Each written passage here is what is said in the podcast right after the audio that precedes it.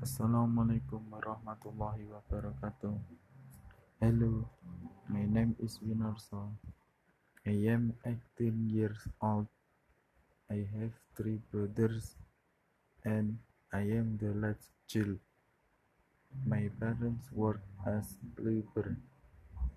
I educate myself very well. We were taught to be tough and independent since childhood. I learned a lot from my parents and siblings. We are also taught to care about each other. Ago.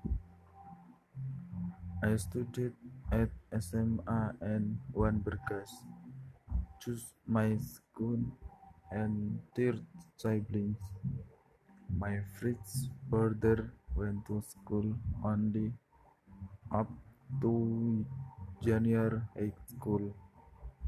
My memorable experience was when I was 11. When I arrived at school, I was invited to play cards with a friend. Then, when suddenly Mr. Susilo came into the class, Mr. Susilo saw us playing cards. Mr. Susilo immediately encouraged us and gave a warning.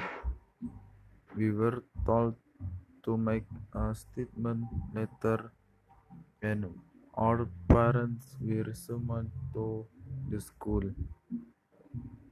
That was my worst experience when I was in 11th grade. Wassalamualaikum warahmatullahi wabarakatuh.